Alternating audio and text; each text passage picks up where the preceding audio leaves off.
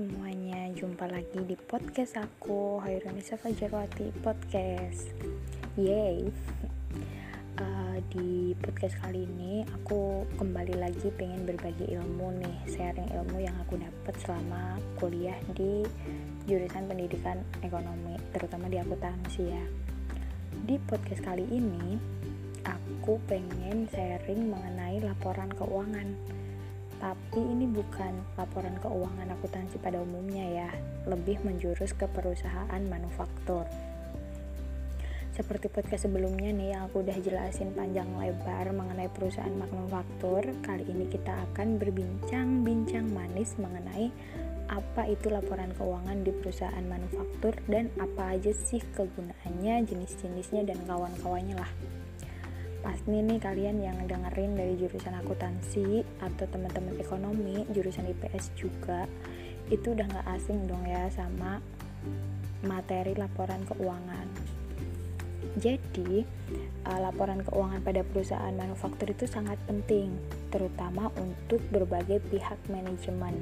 Kegunaannya itu untuk menilai apakah perusahaan dalam kondisi baik atau menurun pada satu periode Bahkan ya, pihak manajemen itu harus selalu mengevaluasi laporan keuangannya di pihak manajemennya manufaktur nih.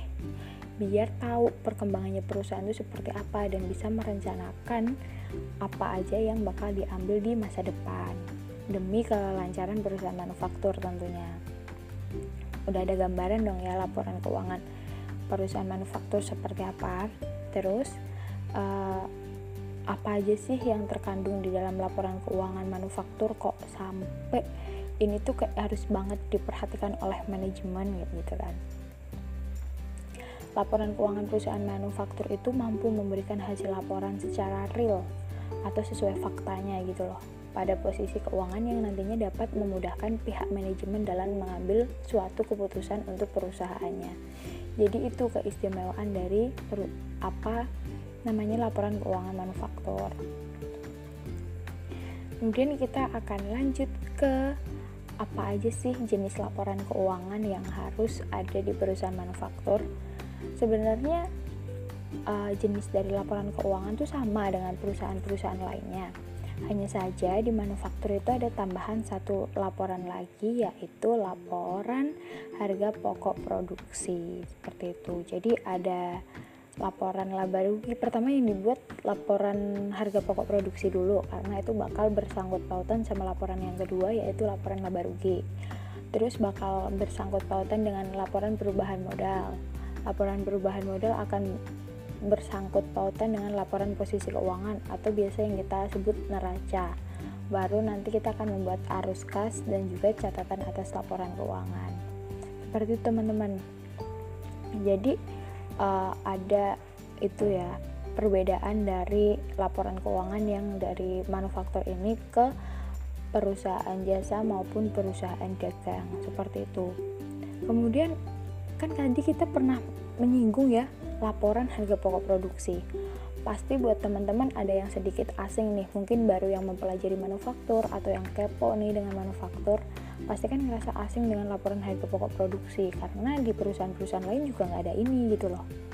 Nih aku mau kasih tahu laporan harga produksi itu sangat perlu dibuat karena di dalamnya tuh kita dapat melihat jumlah nilai persediaan yang kita pakai selama proses produksi, terus jumlah nilai biaya untuk proses produksi, serta nilai biaya overhead perusahaan yang dikeluarkan selama masa produksi kayak gitu kan e, kalau perusahaan manufaktur itu kan emang dari mengelola bahan mentah sampai jadi bahan jadi yang siap dijual itu kan. Ya kan fungsinya laporan harga pokok produksi itu meliput dari proses manufaktur itu sendiri. Jadi apa aja sih yang ada di laporan biaya produksi ya kan? Jadi di laporan biaya produksi, harga pokok produksi ini ada biaya bahan baku atau BBB biaya bahan baku itu harga perolehan atau harga pokok dari suatu bahan yang terdapat pada barang jadi. Akan tetapi pada bahan baku ini merupakan bagian dari barang jadi yang dapat diketahui setiap rincian bahannya. Bahan baku pada sebuah pabrik bisa juga berubah barang jadi dari pabrik lain gitu. Kemudian ada biaya tenaga kerja langsung atau yang disingkat BTKL. uh, jadi uh, apa sih itu biaya tenaga kerja langsung gitu kan? Kalian pasti bingung ah biaya tenaga kerja langsung itu apa sama ya dengan gaji pegawai kayak gitu? Apa sama dengan pekerja kayak gitu kan? Jadi di sini maksudnya biaya tenaga kerja langsung kita cari tahu dulu ya tenaga kerja langsung itu apa Tenaga kerja langsung itu merupakan tenaga kerja yang memiliki hubungan kinerja secara langsung dengan proses pengelolaan barang. Jadi, orangnya langsung yang membuat barang itu yang bersinggungan dengan pembuatan proses produksi. Itu namanya biaya tenaga kerja langsung.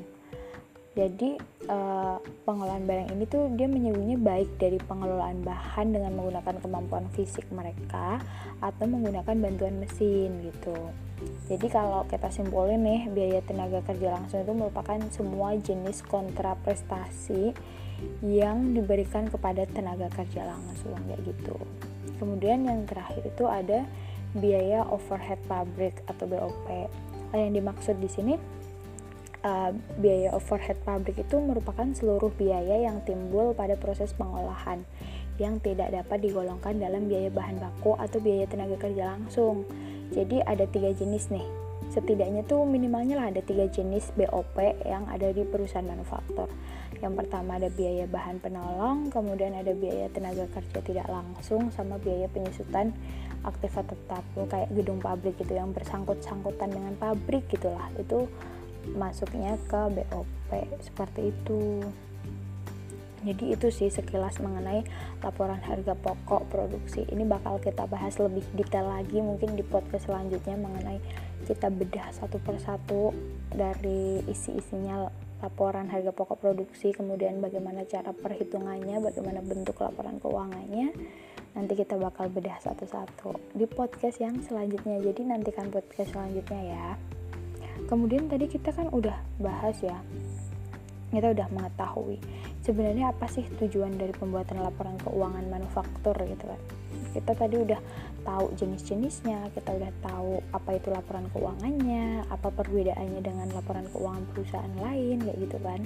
Jadi di sini tuh tujuan dari uh, pembuatan laporan keuangan manufaktur tuh ada dua. Yang pertama itu ada tujuan umum sama tujuan kualitatif gitu kan ada tujuan umumnya perusahaan manufaktur nih membuat laporan keuangan tuh untuk menghasilkan informasi laporan keuangan yang bisa dipercaya.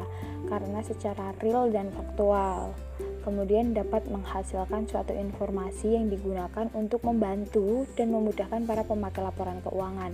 Sehingga para pemakai bisa memperkirakan keunggulan perusahaan yang dapat menghasilkan suatu keuntungan dan yang terakhir itu dapat menunjukkan suatu informasi lainnya pada laporan keuangan.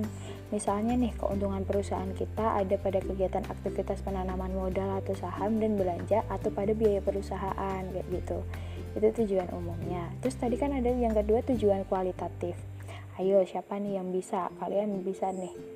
Nanti uh, komen-komen gitu biar tahu tujuan kualitatif menurut kalian tuh apa tapi aku di sini bakal ngasih tahu sih menurut informasi yang aku dapat laporan keuangan perusahaan manufaktur yang bertujuan kualitatif itu uh, laporan keuangan yang lalu akan berguna di masa depan dan dapat dimengerti jadi laporan keuangan itu bakal berkesinambungan gitu Terus uh, sudah diteliti maupun dicek yang sesuai dengan faktual dan netral. Laporan yang diberikan juga sudah tepat waktu.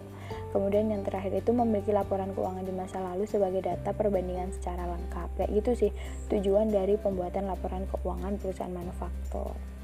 Oke okay guys, sekian dulu ya podcast dari aku nih udah berbincang banyak banget mengenai apa itu laporan keuangan perusahaan manufaktur dan perbedaannya. Tunggu aku di podcast-podcast yang lainnya ya. See you, bye-bye.